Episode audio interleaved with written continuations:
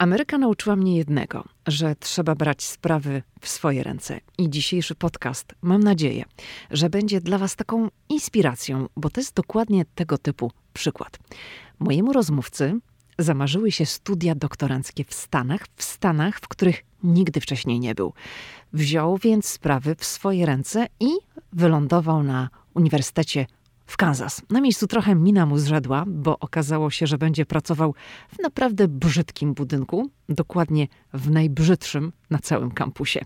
Zapraszam Was bardzo serdecznie na rozmowę z Krzysztofem Borowskim, który jest nauczycielem akademickim, dokładnie lektorem języka polskiego na Uniwersytecie Wisconsin. Nie, nie pomyliłam się, bo najpierw było Kansas, teraz jest Wisconsin.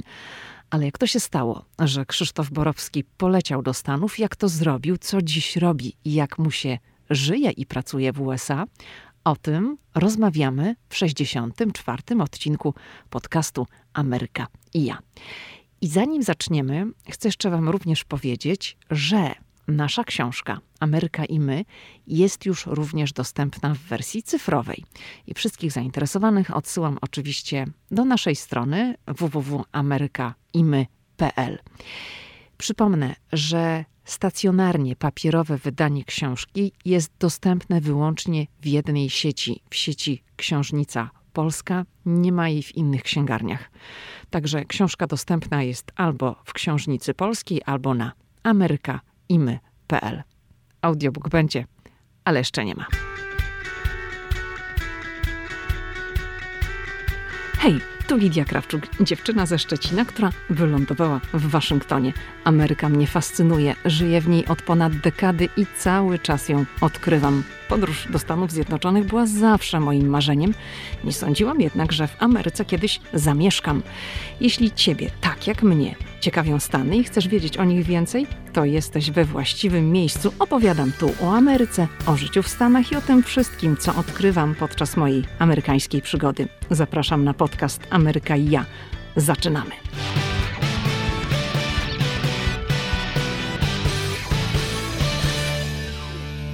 Dzień dobry, Krzysztofie. Powiedz, co tam słychać w tej chwili w Madison w stanie Wisconsin? Witam serdecznie, bardzo dziękuję za zaproszenie, e, zwłaszcza, że jestem e, stałym słuchaczem Twojego podcastu. Tutaj, jeśli chodzi o Madison, zajęcia rozpoczęły się na początku września, czyli trochę tak jak dzieci poszły do szkoły w Polsce na początku września, czy też poszły albo nie poszły. Tak samo tutaj zaczęły się zajęcia. I po niecałych dwóch tygodniach okazało się, że trzeba będzie się przenieść na kwarantannę, czyli te wszystkie zajęcia, które miały się odbywać osobiście, zostały przeniesione do formy powiedzmy internetowej czy też online. Kolejne dwa tygodnie później okazało się, że niektóre zajęcia, które do tej pory odbywały się internetowo, mogą się teraz odbywać osobiście, ale z tego co, z tego, co wygląda i z tego, co e, do tej pory słyszałem od mojego szefa tutaj na wydziale, to wszystko wygląda na to, że jednak te zajęcia, które już teraz prowadzę internetowo, zostaną internetowo do końca całego semestru. Krzysztof Borowski jest nauczycielem akademickim, dokładnie lektorem języka polskiego na Uniwersytecie Wisconsin.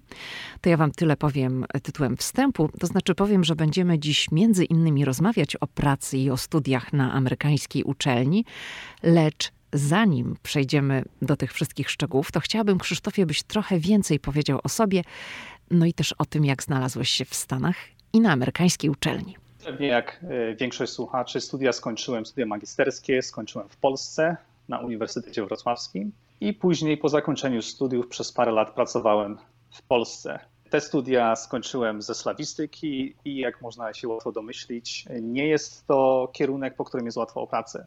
W związku z tym rozglądałem się za czymś, za jakimś zajęciem, za tym, co mógłbym robić, i mm, w pewnym momencie, to myślę był rok 2013, wpadłem na pomysł, żeby kontynuować studia, tym razem na poziomie doktoranckim. I to się po części wzięło z tego, że jeszcze jako, jako student, jako uczeń e, liceum byłem zachęcany przez czy to e, członków mojej rodziny, czy też innych do tego, aby właśnie tę edukację kontynuować jak najdłużej. Ten temat też się pojawił, kiedy jeszcze byłem na Uniwersytecie we Wrocławiu, ale wtedy jeszcze nie zdecydowałem się na to, żeby, żeby ten doktorat zrobić. Więc kiedy w końcu przekonałem się, jak wygląda rzeczywistość, jeśli chodzi o znalezienie pracy w Polsce, to pomyślałem, że dlaczego nie, że można było spróbować. I myślę, że 2012-2013 to był właśnie taki moment przełomowy, w którym stwierdziłem, że mm, może jednak warto zrobić w kierunku tego American Dream i zaaplikować na studia i się na nie dostać. I faktycznie tak się też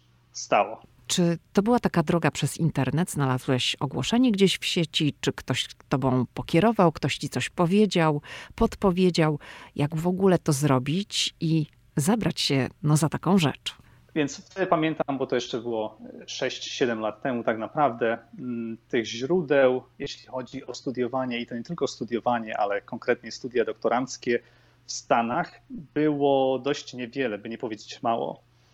W związku z czym to zajęło mi bardzo dużo czasu i można powiedzieć, że to taka dodatkowa praca e, oprócz tej regularnej pracy, którą, którą się wykonywało. Dlatego też właśnie musiałem po pierwsze zdecydować się na jakiś konkretny program, później poszukać tych programów na różnych e, amerykańskich, a także niektórych kanadyjskich uniwersytetach żeby się po prostu zorientować, jak to wygląda, gdzie one są dostępne i czy w ogóle można coś takiego studiować. Bo moim pomysłem tutaj było, żeby właśnie kontynuować studia slawistyczne, czyli e, języki, literatury słowiańskie, ale tym razem właśnie za oceanem. I pamiętam, że w 2013 właśnie tak się dobrze złożyło, że w Polsce odbywała się taka wielka konferencja językoznawcza dla slawistów. I e, na tej konferencji było oczywiście e, było dużo ludzi z różnych miejsc, nie tylko w Europie, ale i w Stanach. Więc kiedy zobaczyłem ogłoszenie, postanowiłem zaaplikować i wysłać swój referat na tę konferencję. Później, jak się okazało, udało mi się dostać, więc też pojechałem. Ta konferencja, co ciekawe, odbywała się w Szczecinie. To ja pochodzę ze Szczecina. No właśnie, dziewczyna ze Szczecina, prawda? Tak. I e, tak, się, tak się właśnie ciekawie złożyło, że na tej konferencji był także profesor Mark Greenberg, który jest profesorem slawistyki na Uniwersytecie w Kansas. I ja wtedy, kiedy tam już pojechałem na tę konferencję, to była powiedzmy późna jesień w 2013 roku, wiedziałem, że Kansas jest jednym z tych niewielu miejsc, gdzie tę slawistykę można jeszcze studiować. W związku z czym pomyślałem, że napiszę do tego profesora i zobaczymy, czy uda nam się spotkać i po prostu porozmawiać, jak to tam wszystko wygląda. I do tego spotkania faktycznie doszło, co zresztą wspominam bardzo, bardzo mile, bo e, sam profesor okazał się niezwykle przystępną osobą. Nie była to powiedzmy taka typowa postać nauki, która chodzi przez większość czasu z głową w chmurach, ale okazał się bardzo bardzo ciekawą i miłą osobą, w związku z czym nawet e, ominęliśmy niektóre wykłady po to, żeby pójść na jakiś wspólny posiłek i tam porozmawiać trochę więcej o tym, jak te studia doktoranckie właśnie w Stanach wyglądają. Ostatecznie oprócz tego wyboru, jeśli chodzi o konkretną placówkę, musiałem jeszcze dopilnować wszystkich spraw formalnych. A tych spraw formalnych, jak się można domyśleć, jest dość dużo. Począwszy od wizy studenckiej, po wszelkiego rodzaju podania, po złożenie całej aplikacji. I tutaj muszę zaznaczyć, że aplikacja na studia to nie jest jeden dokument, ale szereg kilku dokumentów, łącznie z wynikami e, testu języka angielskiego jako obcego. I oczywiście za każdą taką aplikację trzeba uiścić opłatę, w związku z czym jeżeli się na przykład aplikuje do powiedzmy 5-6 uniwersytetów, to każdy z nich żąda tam jakąś opłatę w wysokości od 50 do 80 czy nawet prawie 100 dolarów za samo to, że, że się wyśle swoje dokumenty. Zdecydowałem się aplikować do bodajże pięciu różnych uniwersytetów, na pięć różnych uniwersytetów. I później, jak się okazało, ta najlepsza oferta przyszła właśnie w Kansas i tak właśnie trafiłem na Uniwersytet w Kansas, gdzie studiowałem przez 6 lat do maja 2020 roku, czyli do maja tego roku. Czyli można powiedzieć, że tak po amerykańsku wziąłeś sprawy w swoje ręce, gdzieś tam w głowie ci zaświeciła ta Ameryka i do Ameryki poleciałeś. Powiedz, czy przeżyłeś szok kulturowy po tym, jak pojawiłeś się na amerykańskiej uczelni, czy, czy, czy to było takie totalnie inne doświadczenie niż w Polsce? Nie wiem, czy to był szok kulturowy. Na pewno nie przeżyłem żadnego dużego szoku kulturowego, jeśli chodzi o mm, samo życie w Ameryce.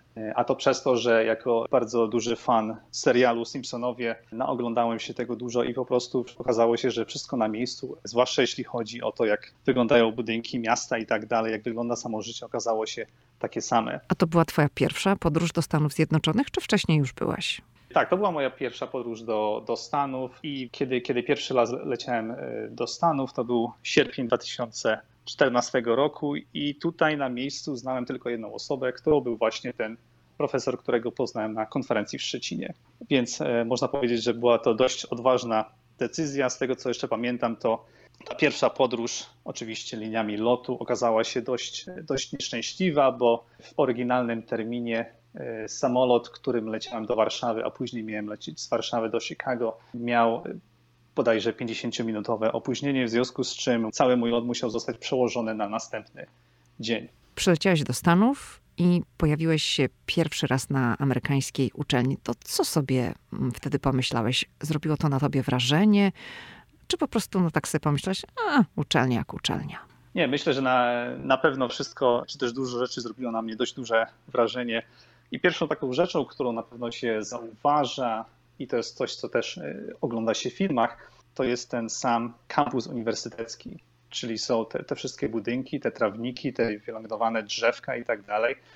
I to jest też ciekawe, że każdy taki kampus jest praktycznie wydzieloną jednostką na terenie jakiegoś miasta czy też miasteczka. Więc tak naprawdę, jeżeli pracuje się tylko na kampusie i na ten kampus się dojeżdża, a później z niego wraca do domu, to w zasadzie można mieszkać w takim miejscu przez ileś tam lat i tak naprawdę nie mieć do czynienia z tak zwanymi zwykłymi ludźmi. Czyli nie widzi się tych ludzi wracających z pracy czy też idących do pracy, bo tak naprawdę cały czas obraca się w tym samym, tym samym środowisku. A ty mieszkasz na kampusie.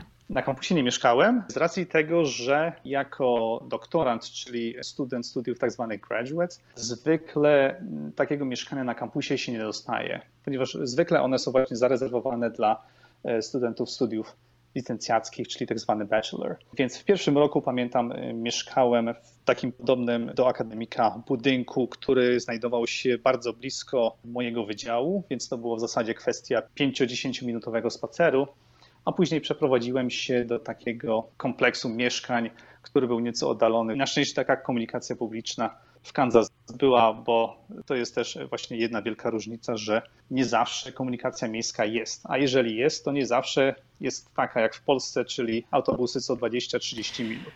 Krzysztof, a powiedz, jak wygląda takie typowe życie na kampusie uniwersyteckim w Stanach? Bo znamy to trochę z filmów, ja też w sumie znam to tak naprawdę więcej z filmów. To może gdybyś tam tak powiedział, jak to jest tam być w środku? Mm, jak tam się to życie toczy każdego dnia? Dopóki pandemia nas nie uderzyła, to powiedziałbym, że takie życie kampusowe tak, tak naprawdę kwitnie. Więc y, w Stanach jest to trochę inaczej niż w Polsce pod tym względem, że tutaj uniwersytety to są nie tylko od tego, żeby po prostu sprzedawać wiedzę, ale one też oferują e, swoim studentom całą masę, cały wachlarz zajęć, jeśli chodzi o rozrywkę. W związku z czym to wygląda tutaj trochę inaczej.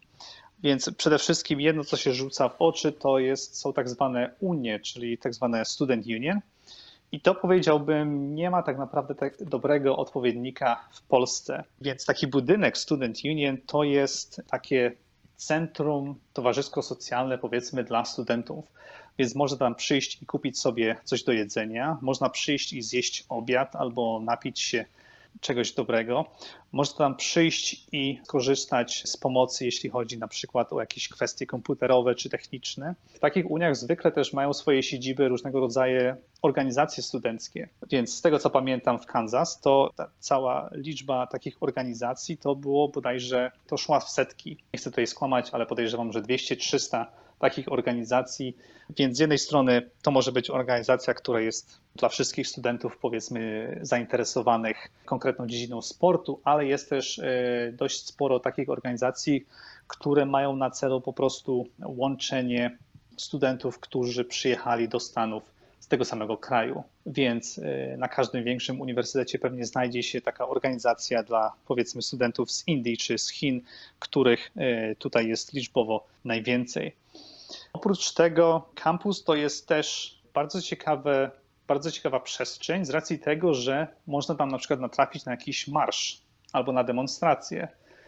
Więc pamiętam swego czasu, jak takie marsze się odbywały i o ile się nie, o ile się nie mylę, to były one związane z całą kwestią Black Lives Matter. Na kampusie można też na przykład y, napotkać różnego rodzaju rysunki i ogłoszenia, które są kredą malowane na chodnikach. I to jest tutaj dość, dość y, szeroko spotykane i dość częste. Coś, czego ja na przykład w Polsce nigdy nie widziałem. Ale wiadomo, że tutaj po prostu tych możliwości jest więcej, jest, więc jest więcej możliwości, jeśli chodzi o spędzanie wolnego czasu. Więc podejrzewam, że w ten sposób studenci chcą się po prostu przebić do y, świadomości większej liczby osób. I oprócz tego, to co na kampusie jest ciekawe, to na pewno jest stadion futbolu amerykańskiego, który zawsze gdzieś koło tego kampusu, czy w samym centrum, czy też trochę na uboczu się znajduje. I z takimi z tymi stadionami, a szczególnie meczami, związana jest także tak zwana tradycja tailgating, to się nazywa, czyli w zasadzie to jest takie trochę, powiedziałbym, biwakowanie na parę godzin przed rozpoczęciem meczu.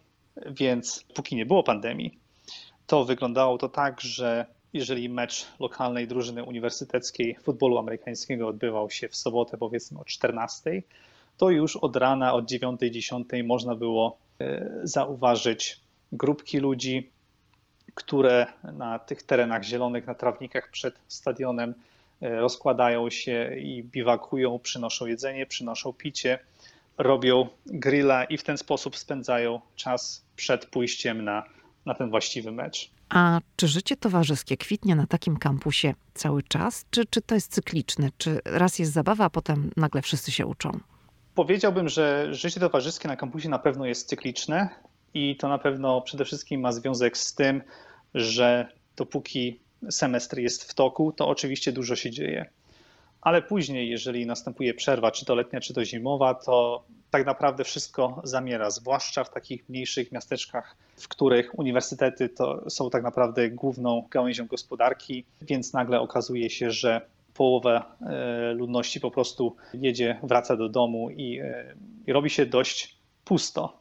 Natomiast e, jedną właśnie z takich zasad organizowania różnego rodzaju aktywności czy też wydarzeń dla studentów, czy też przez studentów na, na kampusie jest to, żeby nie mnożyć ich w czasie, gdy właśnie zbliżamy się do końca semestru.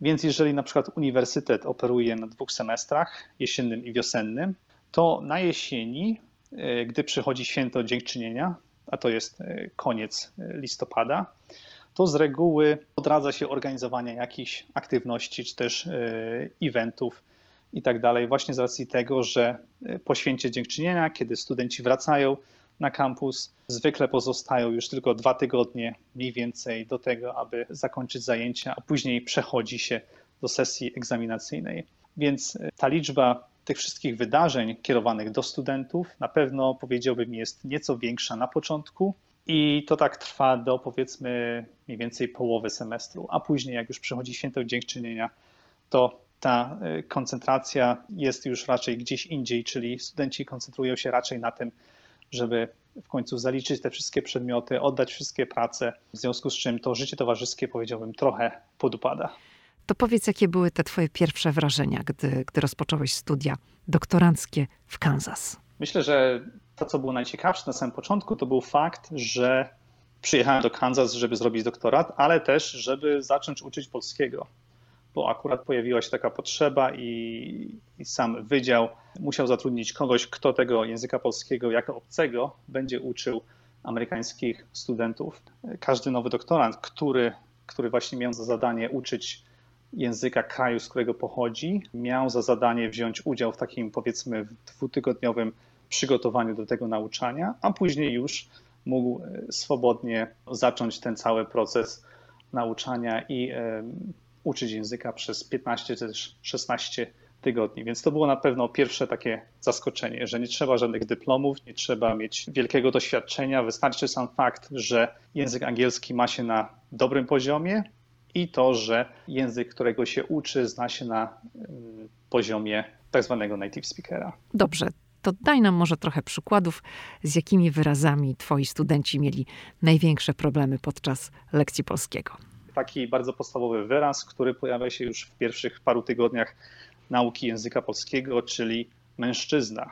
Mhm. I to zwłaszcza, zwłaszcza jeśli chodzi o wymowę, ale to samo się tyczy pisowni, bo ta pisownia też jest taka dość, powiedziałbym, egzotyczna zwłaszcza dla kogoś, kto tylko posługuje się językiem angielskim i ma małe czy też zero doświadczenia z językami obcymi, co też y, dość często jest właśnie tutaj powszechne w Stanach wśród, wśród studentów. Powiedziałabym, że pisownia wyrazu mężczyzna sprawia też chyba kłopot niektórym Polakom, bo ten wyraz, przynajmniej tak jak widzę w internecie, pisany jest bardzo często z błędem, jest mężczyzna zamiast mężczyzna, tak? Zgadza się. Jest na pewno jakaś logika, bo y, studenci niektórzy też właśnie próbują te y, samogłoski nosowe o, e zastąpić, czy też tam wrzucić jakąś dodatkową literę n. Powiedz mi, kiedy nastąpił taki moment, że poczułeś się już tak no pewnie na, na uczelni, bo myślę, że tu też trzeba rozgraniczyć dwie takie sprawy, bo z jednej strony byłeś na uczelni na studiach doktoranckich, no ale z drugiej strony byłeś też wykładowcą. Czy odczuwałeś jakiś taki dysonans, że no z dwóch stron tak naprawdę uczestniczysz w tym wszystkim? Tak, to jest właśnie bardzo ciekawa sytuacja, ale to też jest, powiedziałbym, dość często spotykane, jeśli chodzi właśnie o studia doktoranckie, bo to, to, to jest też właśnie sposób na to, żeby te studia sobie sfinansować i żeby do nich nie dokładać. Czyli w zamian za to, że doktoranci uczą jakiegoś przedmiotu, czy też przedmiotów na pół etatu, mm, są zwolnieni z opłat czesnego a te opłaty, jak, jak wiadomo, na amerykańskich uniwersytetach są wysokie. E, jeśli chodzi natomiast właśnie o taką sytuację, w której jesteś zarówno studentem, jak i nauczycielem, to myślę, że trochę takiego dysonansu było. Więc z jednej strony jest taka e, własna osobista percepcja tego, kim się jest, bo z jednej strony jest się studentem i chodzi się na zajęcia i trzeba, trzeba te przedmioty zaliczać, jeden po drugim pisać te testy i tak dalej, ale z drugiej strony też jest właśnie członkiem tej kadry nauczycielskiej i też ten, ten status doktoranta jako nauczyciela i studenta też jest właśnie, powiedziałbym, gdzieś mniej więcej w połowie drogi między takim typowym studentem, a już typowym pracownikiem naukowym czy też dydaktycznym. Więc na pewno było dość ciekawe doświadczenie też właśnie e, ja czy też moi koledzy zastanawialiśmy się, czy to nie ma przełożenia na przykład na to, jak studenci podchodzą do naszych zajęć, jak podchodzą do zadań czy ćwiczeń, które od nas otrzymują i czy to nie ma po prostu jakiegoś przełożenia na to, jak mm, taki doktorant jest postrzegany przez studentów właśnie z racji tego, że nie jest jeszcze, nie jest się jeszcze takim pełnoprawnym pracownikiem uniwersytetu. I do jakich wniosków doszliście? Coś w tym na pewno jest. To znaczy, z racji tego, że nauczanie na amerykańskich uniwersytetach jest w dość dużej mierze oddane doktorantom, czy też innym osobom, które na przykład robią właśnie magisterkę z jakiegoś przedmiotu, to myślę, że nawet w samej świadomości studentów jest właśnie taki podział na powiedzmy tych prawie nauczycieli, czyli takich doktorantów, a tych, którzy mają już stopień doktora, czy też stopień profesora osiągnięty i myślę, że, że to podejście jest, jest dość inne. Ale z drugiej strony myślę, że bycie takie pomiędzy studentami a profesorami jest też przydatne, choćby z racji tego, że osobom, między którymi jest mniejsza różnica wieku, takim osobom jest po prostu łatwiej dotrzeć do studentów i też myślę, że czasami ta komunikacja ze studentami może być po prostu łatwiejsza, choćby z tego powodu, że orientujemy się bardziej w świecie popkultury, wiemy co się gra w kinach, wiemy jakie gry są teraz komputerowe popularne, więc myślę, że to też jest taki sposób na trochę inne dotarcie do studentów, aniżeli powiedzmy z, z perspektywy kogoś, kto ma 50 lat plus i uczy na uniwersytecie od już jakiegoś dłuższego czasu. Chciałabym, żebyśmy jeszcze wrócili na chwilę do tego szoku, o który pytałam, bo powiedziałeś, że wrażenie zrobił na tobie kampus, sposób funkcjonowania uniwersytetu, lecz może chciałabym, żebyś spróbował przywołać swoje wspomnienia, swoje myśli, mm, jak zacząłeś poruszać się w obrębie uniwersytetu, no i co sobie myślałeś, porównując to do czasu, kiedy ty sam studiowałeś w Polsce? Myślę, że pierwszym takim wrażeniem było to, jak jak ludzie w ogóle do siebie się odnoszą, jeśli chodzi właśnie o pracowników danego wydziału czy danego instytutu. Więc w Polsce, przynajmniej z tego co pamiętam, te relacje potrafią być dość oficjalne. Oczywiście to się, to się teraz e, podejrzewam zmienia i zwłaszcza jeżeli ta różnica wieku pomiędzy pracownikami nie jest duża, to nie ma tam zbytnio e, takiego bardzo oficjalnego powiedzmy podejścia w codziennych kontaktach. Z kolei tutaj w Stanach właśnie zauważyłem, że te kontakty są dużo bardziej e, dużo mniej właściwie formalne. Nie jest niczym dziwnym, jeżeli na przykład doktoranci zwracają się do profesorów po imieniu. W zasadzie niektórzy nawet wymagają tego, żeby, żeby tak się do nich zwracać.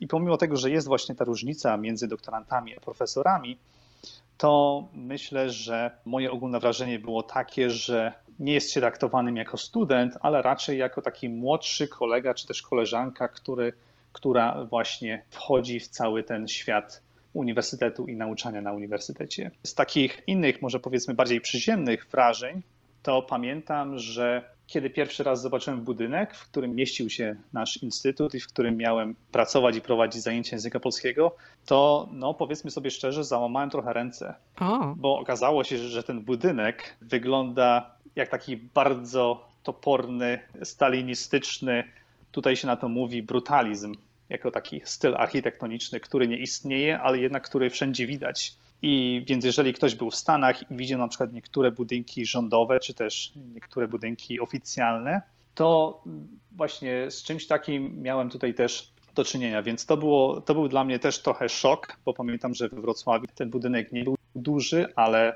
tam wszystko działało tak jak trzeba i wszystko wyglądało tak jak trzeba. Z kolei tutaj e, po przyjeździe do Kansas okazało się, że ten budynek, w którym mieściły się nauki humanistyczne i historia, był zdecydowanie najbrzydszym na całym kampusie i wszyscy zdawali sobie z tego sprawę. To był taki powiedzmy insider joke, taki żart, więc wszyscy z tego budynku żartowali i w zasadzie jeśli miałbym go określić, to budynek, który oryginalnie miał być parkingiem, e, skończył się na jedynie czterech piętrach. Więc ten budynek po prostu zbudowano gdzieś w latach 60., 70. i jak został zbudowany, tak istnieje do tej pory, czyli 40, 50, 60 lat później on wygląda cały czas tak samo, więc to też był taki trochę szok, powiedzmy na minus zdecydowanie. Czyli obaliłeś też przy okazji taki jeden mit, bo, bo myślę, że wiele osób ma takie wyobrażenie o Ameryce, że tutaj jest wszystko lepsze, większe, bardziej wypasione, wypucowane, a na miejscu w Stanach często okazuje się, że to właśnie w Polsce, w związku z tymi wszystkimi mm, przemianami i, i inwestycjami, jest więcej bardziej nowoczesnych budynków, które no, wyglądają lepiej, są lepiej wyposażone i, i bardziej funkcjonalne, prawda? Zdecydowanie tak, tak. To jest akurat y, bardzo ciekawe tutaj w Stanach, powiedzmy, y, dlatego, że nauki humanistyczne i humanistyka i tak dalej z reguły są właśnie niedofinansowane, więc bardzo dużo pieniędzy idzie na przedmioty ścisłe, czyli to są biologia, chemia, matematyka, informatyka, inżynieria, a z kolei jeśli chodzi o humanistykę, to jest ona dość niedofinansowana. Więc mając okazję pojechać na niektóre konferencje i zobaczyć, jak wyglądają inne kampusy, jak wygląda to na innych uniwersytetach, okazuje się, że budynek humanistyki zawsze dość łatwo można poznać. A to właśnie po tym, że jest prawdopodobnie najbrzydszy w całej okolicy. O, to już będziemy mieli wskazówkę. Wspominałeś wcześniej o kosztach studiowania w Stanach, że one są bardzo wysokie i wszyscy o tym wiemy, ale, ale czy możesz nam powiedzieć, ile wynosi w tej chwili takie roczne czesne na Uniwersytecie w Wisconsin, gdzie, gdzie teraz jesteś?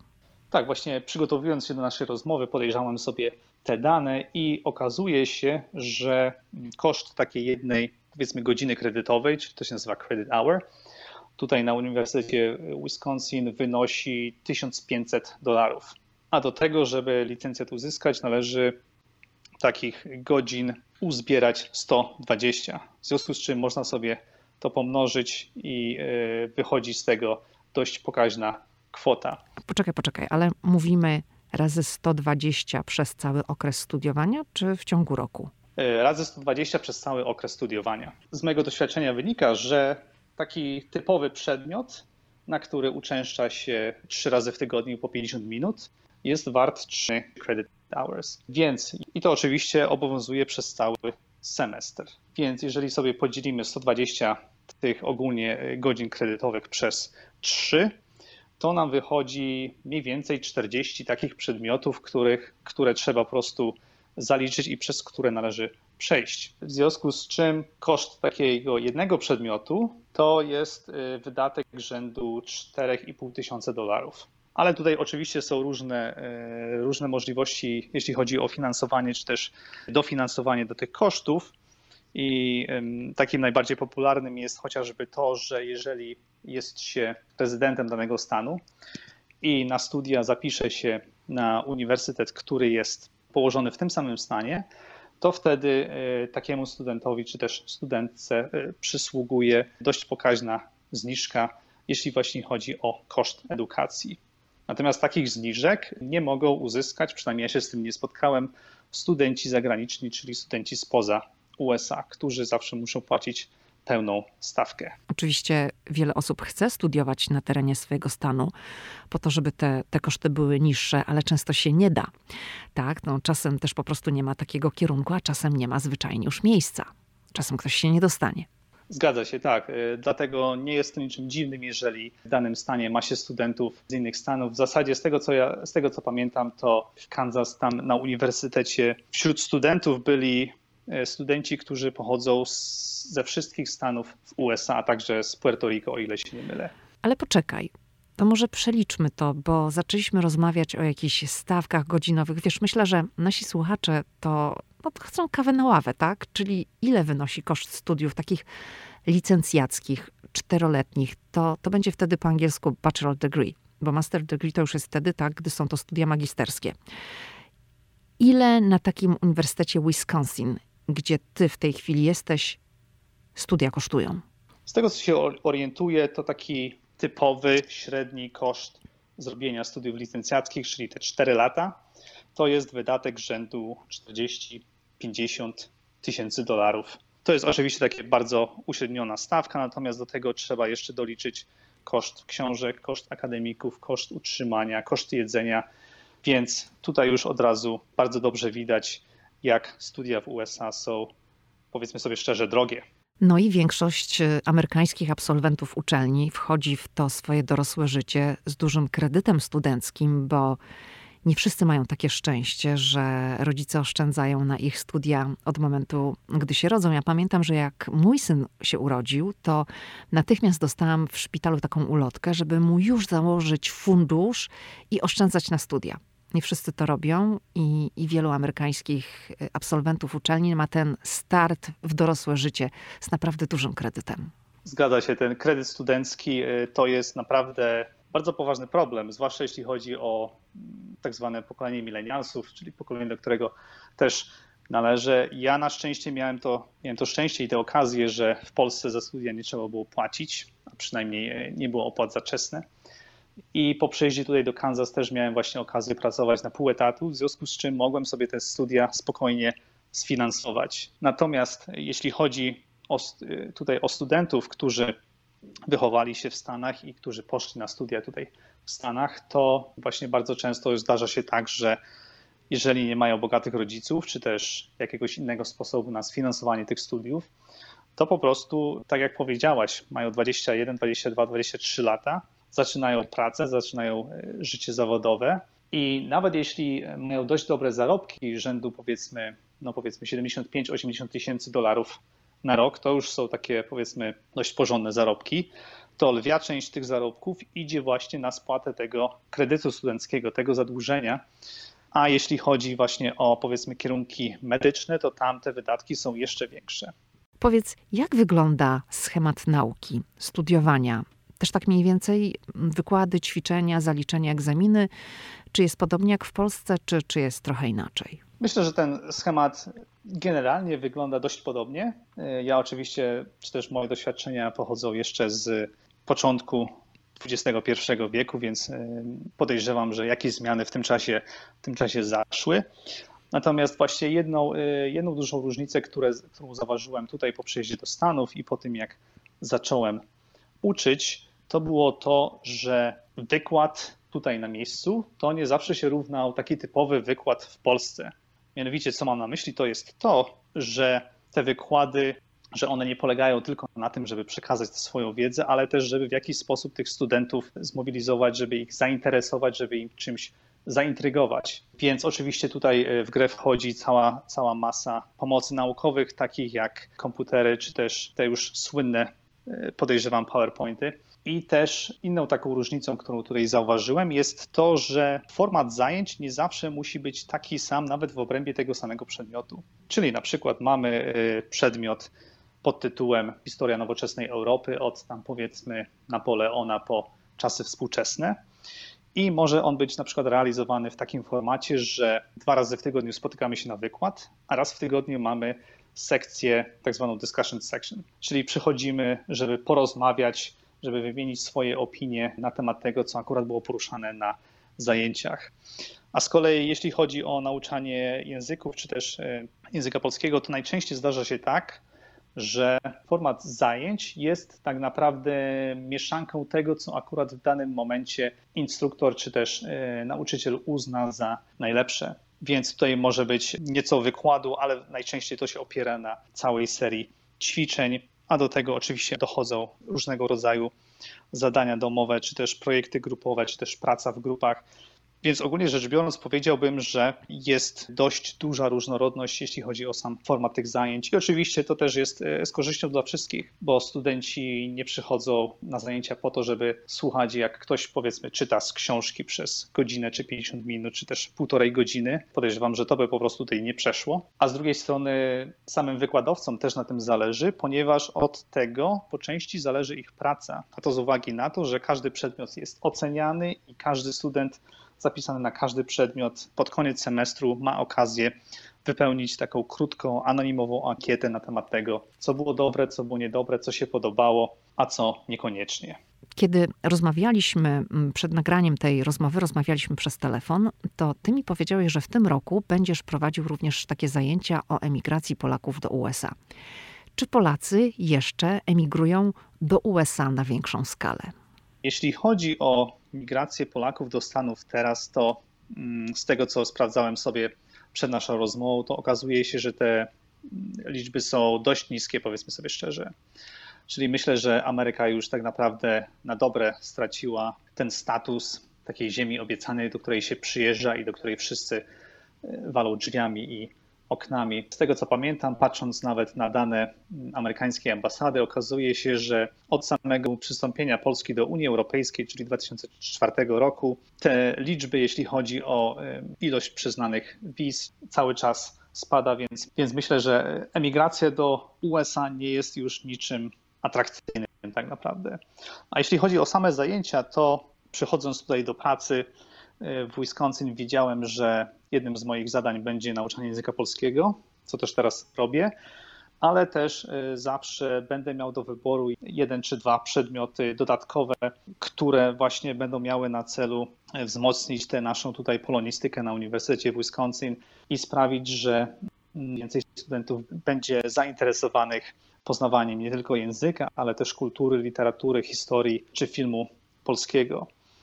I w związku z tym, że migracja Polaków do Ameryki, czy też do Ameryk, o czym w zasadzie jest mój przedmiot, jest procesem, który trwa już dekady, o ile nie stulecia, pomyślałem, że właśnie stworzenie takiego przedmiotu, w którym dzieła literackie będą trochę przeplatane z opisami historycznymi i z opisami socjologicznymi, może być ciekawą propozycją dla studentów, zwłaszcza dlatego, że tutaj w Wisconsin, przynajmniej procentowo, jest to stan w USA, który ma największą populację osób pochodzenia polskiego. Oczywiście, jeśli chodzi o procent tej populacji w, w populacji całego stanu, a nie stricte same liczby. I tak właśnie e, pojawił się pomysł na prowadzenie takich zajęć jak się można domyśleć, nie ma dużej liczby studentów, dokładnie tuzin, z czego jestem zadowolony. Czyli rozumiem, że ci studenci, którzy wybrali ten przedmiot, to są ludzie mający jakieś tam polskie korzenie, że gdzieś tam polska krew, ten polski gen jest, gra tam, że, że to nie są osoby, które nie mają żadnych związków z Polską. I tak, i nie. O. To znaczy, są oczywiście osoby, które e, mają polskie pochodzenie, kilka z nich ma polskie imiona i właśnie te osoby można bardzo łatwo rozpoznać po nazwiskach. Ale jest też kilka osób, które niekoniecznie mają polską rodzinę czy też polskie pochodzenie, ale znalazły się na tym kierunku właśnie z uwagi na to, że na przykład zainteresował ich temat migracji, czy też interesują się tym tematem. albo też z uwagi na to, że mm, mają na przykład korzenie gdzieś w sąsiednim regionie Europy Środkowo-Wschodniej i w związku z tym, e, z racji tego, że jest e, akurat w tym semestrze oferowany ten przedmiot, uznali, że taki przedmiot pozwoli im na nieco lepsze zrozumienie ich e, własnej historii rodzinnej. Więc powiedziałbym, że jest tak mniej więcej pół na pół akurat w tym semestrze. Z czego oczywiście bardzo się cieszę, bo każda nowa osoba, którą będziemy w stanie zarazić pasją do Polski i wszystkich rzeczy polskich jest oczywiście wielką wygraną, nie tylko moją, ale też całej polonistyki, która tutaj ciekawostka, bo cała slawistyka w Madison na Uniwersytecie Wisconsin zaczęła się właśnie od języka polskiego w połowie lat 30. I zanim slawistyka pojawiła się jako nazwa, to przez 7 bodajże lat funkcjonował tutaj Instytut Filologii Polskiej. Więc slawistyka w Wisconsin tak naprawdę zaczęła się od języka polskiego, a później dopiero e, zostały dodane inne języki i literatury. Ty mieszkasz w Wisconsin od niespełna dwóch miesięcy, więc za dużo na temat tego stanu nie możesz powiedzieć, jak zakładam, ale powiedz, jak to się stało, że ten transfer nastąpił z Kansas do Wisconsin. No właśnie, więc tutaj e, wkraczamy na prawdopodobnie najbardziej znienawidzony teren dla wszystkich, którzy wybierają się na studia doktoranckie i wszystkich, którzy kończą studia doktoranckie, czyli praca i poszukiwanie pracy. I w moim przypadku wyglądało to tak, że po raz pierwszy aplikowałem na różne uniwersytety w sezonie, powiedzmy 2018-2019, czyli na moim piątym roku doktoratu. I w zasadzie wtedy moim celem była taka praktyka, czyli zobaczyć, jak to wszystko wygląda w praniu, przygotować te wszystkie dokumenty aplikacyjne, a nuż coś się uda. Jak się jednak okazało, tych stanowisk, które były wtedy w tamtym sezonie dostępne, było niewiele nie udało mi się na żaden z nich dostać. W związku z czym zostałem na doktoracie jeszcze jeden dodatkowy szósty rok i właśnie y, równo rok temu, czyli na jesieni 2019 roku, znowu zacząłem ten cały proces aplikowania o pracę, wyszukiwania ofert pracy i później już przeprowadzania wywiadów i tak dalej aż w końcu udało mi się uzyskać pracę właśnie jako lektor języka polskiego tutaj w Wisconsin. W Kansas spędziłem 6 lat, skończyłem doktorat i akurat też się tak szczęśliwie dość złożyło, że pod koniec kwietnia najpierw otrzymałem ofertę pracy tutaj w Wisconsin, a tydzień później obroniłem doktorat, więc takim sposobem znalazłem się tutaj w Madison, Wisconsin. Chciałam jeszcze wrócić do Kansas, w którym spędziłeś 6 lat. To powiedz, jak się żyje w takim stanie, gdzie głównie znajdują się pola uprawne, no to taki rolniczy stan, prawda? Taka no, preria. Zgadza się dokładnie tak. Więc jeżeli ktoś oglądał domek na prerii yy, lub coś, coś podobnego, to tak naprawdę to jest 90-99% powierzchni Kansas. Więc yy, to na pewno było bardzo ciekawe doświadczenie, bo przyjeżdżając z Polski, byłem już tak naprawdę przyzwyczajony do tego, że mieszkam i pracuję w takim powiedzmy dość miejskim środowisku. Ty przyjechałeś z Wrocławia, prawda? E, w zasadzie z Rzeszowa. Więc e, nawet jeżeli mamy w Polsce miasto typu e, Rzeszów, które ma no, prawie 200 tysięcy mieszkańców, to już jakieś tam życie miejskie istnieje. Oczywiście nie jest ono tak, tak fajne i rozbujałe i tak dalej, jak na przykład we Wrocławiu, ale jednak coś się dzieje. A skąd ja ten Wrocław wziąłem? Ty we Wrocławiu studiowałeś? Dlaczego ja powiedziałam Wrocław? E, we Wrocławiu studiowałem, tak. O, okej. Okay. Tak, tak. Mhm. Więc przyjeżdżając z Polski, z Rzeszowa do Kansas, tutaj e, to miasteczko konkretnie nazywa się Lawrence i mieszka tam około 90, 90 tysięcy mieszkańców. Ale tutaj od razu muszę zaznaczyć, że to jak wygląda 90 czy prawie 100 tysięczne miasto w Polsce różni się znacznie od tego, jak miasto o podobnej wielkości wygląda zwłaszcza w Kansas. Czym się Bo, różni? Y, no właśnie, te różnice są takie, że przede wszystkim ta urbanizacja, nawet to, co się widzi gołym okiem, jest tak naprawdę bardzo mała i tutaj właśnie pamiętam, jak y, przyjechałem pierwszego dnia do, do Kansas i tego samego dnia albo następnego y, mój promotor z żoną zabrali mnie do restauracji, która akurat znajduje się przy głównej ulicy w w tym, w tym miasteczku. Ta ulica to się, jest nazwana po stanie Massachusetts, z którego z kolei pochodzili osadnicy, którzy założyli Lawrence w Kansas, bo też takie Lawrence e, istnieje w stanie Massachusetts. I jak wtedy pamiętam, pierwszy raz zobaczyłem tę ulicę i przespacerowaliśmy się nią przez e, parędziesiąt e, metrów, to pierwsze, co mnie uderzyło, to że to miasteczko tak naprawdę wyglądało trochę jak z filmów o Dzikim Zachodzie. Czyli była ta jedna ulica, było trochę tych e, budynków po obu stronach tej ulicy. Z tym, że te budynki były dość niskie, z reguły jednopiętrowe, z bardzo wysokimi sufitami. I to tak naprawdę było tyle. Więc jeżeli ktoś był, czy też wyobrazi sobie typowe polskie miasto w centrum, to oczywiście tam się bardzo dużo dzieje, jest e, dużo samochodów, dużo ludzi, autobusy, korki i tak dalej, a do tego oczywiście mamy bardzo dużo budynków i to te budynki mają ileś tam pięter. Z kolei w Kansas nic z tych rzeczy, więc bardzo szybko okazało się, że musiałem zrewidować swoje e, przypuszczenia na temat tego, jak życie tam e, będzie wyglądać. I mimo, że to miasteczko ma około 90 tysięcy mieszkańców plus parędziesiąt tysięcy studentów, oczywiście w sezonie e, studenckim, sezonie akademickim, to powiedziałbym, że bardziej przypomina miasteczko, które ma powiedzmy 10-20 tysięcy mieszkańców, bo tak naprawdę tych liczb się po prostu nie odczuwa. Więc z jednej strony mamy, mamy właśnie ten czynnik, a z drugiej inna różnica, która bardzo rzuca się w oczy w Kansas, to są po prostu odległości. I znowu, w Polsce, w Europie jesteśmy przyzwyczajeni do tego, że wszystko jest blisko, w związku z czym to wypiętrzenie, e, nawet jeśli chodzi o budynki, jest, jest dość znaczne. Z kolei w Kansas wygląda to tak, że tutaj po prostu przestrzeni jest aż za dużo. W związku z tym przekłada się to na to, że tak naprawdę nie czuje się, że się mieszka w mieście. Ja pamiętam nawet e, swego czasu miałem koleżankę na studiach e, na wydziale, która podobno pewnego razu stwierdziła, że Lawrence to tak naprawdę taka trochę większa wioska. Więc takie poczucie e, mieszkania tak naprawdę na przedmieściach, a nie w mieście, to jest właśnie to, co z Kansas zapamiętam. Czyli jeżeli dobrze zrozumiałam, to miałeś takie poczucie, przyjeżdżając z Rzeszowa, że ty z metropolii przyjeżdżasz na jakąś wioskę niemal, tak?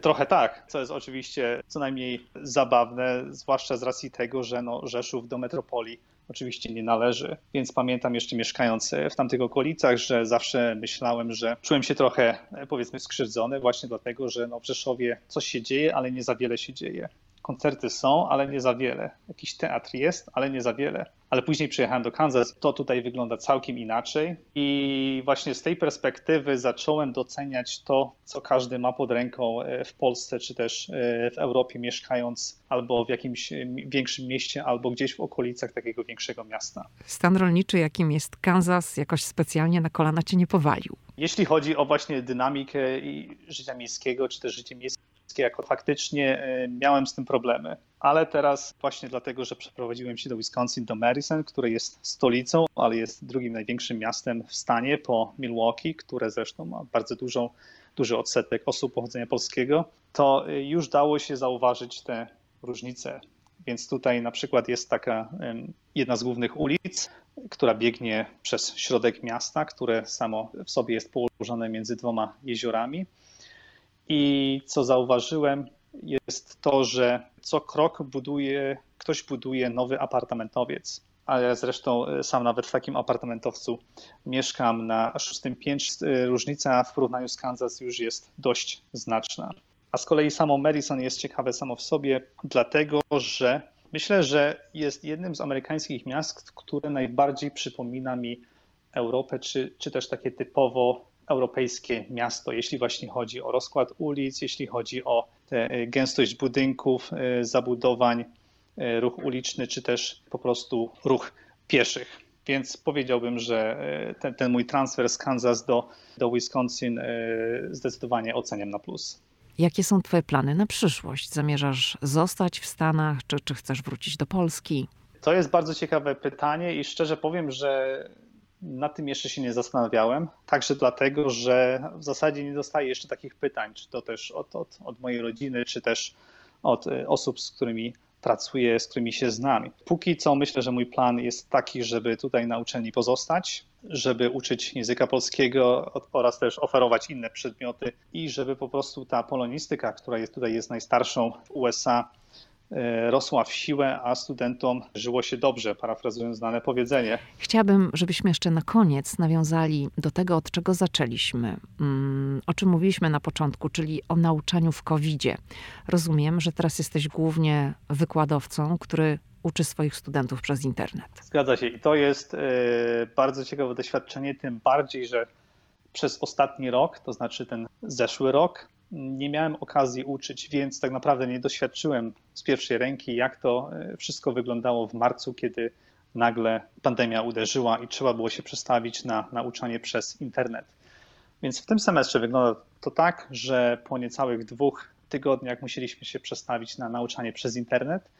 I teraz wszystko wygląda na to, że w tym trybie pozostaniemy aż do końca semestru. Więc e, to była na pewno ciekawa zmiana, zwłaszcza dlatego, że jako lektor języka obcego miałem możliwość y, uzyskania dla siebie i dla swoich studentów takich specjalnych masek, które są przeźroczyste. A to oczywiście po to, żeby widzieć, jak, jak pewne rzeczy się wymawia, jak te usta y, pracują, jak one wyglądają, kiedy trzeba powiedzieć jakieś słowo w obcym języku. I to się okazało ciekawym doświadczeniem, a to dlatego, że moja maska była, jest to tak zwana maska transparentna, czyli ona tak naprawdę przypomina trochę wielkością maski, jakie zakładają na przykład spawacze, więc ona zakrywa całą twarz, a tutaj y, jest jeszcze materiał, który zasłania podbródek. I w moim przypadku okazało się to dość męczące, a to dlatego, że y, na co dzień noszę okulary i jak każdy, y, kto nosi okulary, wie, te okulary lubią czasem zaparować, jeżeli się wchodzi z ciepłego do zimnego pomieszczenia albo odwrotnie. Więc jeżeli więc kiedy przyszło uczyć języka polskiego w takiej właśnie masce, to nie dość, że miałem na sobie te okulary, to musiałem jeszcze założyć tę maskę. I oczywiście, jak się okazało, zarówno ta maska, jak i te okulary bardzo szybko mi zaparowywały e, właściwie na każdych zajęciach. Więc teraz, kiedy uczę przez internet, to na pewno mamy właśnie, mam ten komfort, że e, tej maski nie trzeba zakładać i jest to, jest to coś, e, z czego na pewno niektórzy studenci są są zadowoleni. Innym, innym aspektem tego nagłego przejścia było też to, że tak naprawdę musiałem usiąść i przemyśleć, jak te zajęcia mam teraz poprowadzić. Bo wiadomo, że e, nawet w warunkach pandemii, to jeżeli miałem wszystkich studentów do dyspozycji w sali, to inne czy też niektóre rodzaje ćwiczeń mogłem spokojnie przeprowadzić. Z kolei po tym, jak przeszliśmy na nauczanie przez Zooma, to okazało się, że musiałem to wszystko dostosować do warunków i po prostu zobaczyć, jak nawet sami studenci reagują na niektóre ćwiczenia czy też aktywności, które im zleciłem. Jedną z funkcji Zooma, która okazała się bardzo pomocna, to są tak zwane breakout rooms czyli tam, gdzie można przydzielić po parę osób do osobnego pokoju i one tam mogą razem pracować. Więc to akurat w przypadku moich zajęć e, zadziałało, myślę, bardzo dobrze i z tego, co zauważyłem, to studenci cały czas e, są aktywni i pracują nad tym, co akurat im zadam. Z kolei na zajęciach o polskiej migracji do Ameryki, czy też obu Ameryk, jedną z przeszkód, e, jeśli chodzi o nauczanie w typowej typowej e, sali, było to, że były po prostu duże odległości między mną a studentami. Więc e, te zajęcia mogły się odbyć nie przez internet, ale właśnie stacjonarnie w jednej z sal, ale warunkiem było to, że każdy ze studentów ma na sobie maskę oraz to, że każdy z nich jest oddalony od e, swojego kolegi czy też koleżanki o te mniej więcej dwa metry co najmniej. W związku z czym doszło do, do sytuacji, że sala, która normalnie mieści powiedzmy 40-50 studentów, ma tylko 12 studentów i to oczywiście e, nieco utrudniało nam pracę. Więc e, dwa tygodnie temu, kiedy przeszliśmy na tryb zdalny i wszystko jest e, uczone przez internet, ten problem akurat został wyeliminowany przez fakt, że na Zoomie takie dyskusje można prowadzić w miarę spokojnie, nie trzeba mieć założonej maski, a do tego każdy ma słuchawki czy też używa głośnika, w związku z czym tego problemu ze słyszeniem tego, co ktoś mówi, czy też e, odszyfrowaniem tego, co ktoś dopiero powiedział, nie ma. Krzysztofie, bardzo Ci dziękuję za rozmowę. Życzę Tobie, wszystkim, sobie też, byśmy w końcu wyszli z pandemii i byśmy mogli nasze zawody czy nasze aktywności no, uprawiać normalnie, nie przez internet. i nie za pomocą kamer w laptopach. Dziękuję bardzo, ja też mam taką nadzieję oczywiście i e, pozdrawiam wszystkich słuchaczy podcastu. No i kolejny godzinny podcast za nami. Przypominam, że nowe odcinki podcastu Ameryka i ja pojawiają się we wtorki, ale jeżeli chcecie codziennie coś ode mnie usłyszeć, czegoś się dowiedzieć na temat Stanów, co tam u mnie słychać też, to możecie mnie obserwować na Instagramie. Tak naprawdę to Was zachęcam, żebyście mnie obserwowali na Instagramie. Na stories codziennie rano mojego czasu jest z okna czyli widok na monument Waszyngtona i Kapitol, bo to jest to, co ja widzę z okna. E, można sobie tak przy okazji powiem zobaczyć u mnie w zapisanych relacjach na Instagramie, mm, na Insta Stories, znaczy w profilu na Instagramie. Jest ten widok właściwie no, we wszystkich kolorach nieba, bo te wschody słońca są naprawdę niesamowite i te najpiękniejsze zapisuję i tam naprawdę już dużo zdjęć zapisałam. Także ta relacja nazywa się Monument i tam jest naprawdę mnóstwo pięknych, pięknych zdjęć. Do usłyszenia za tydzień.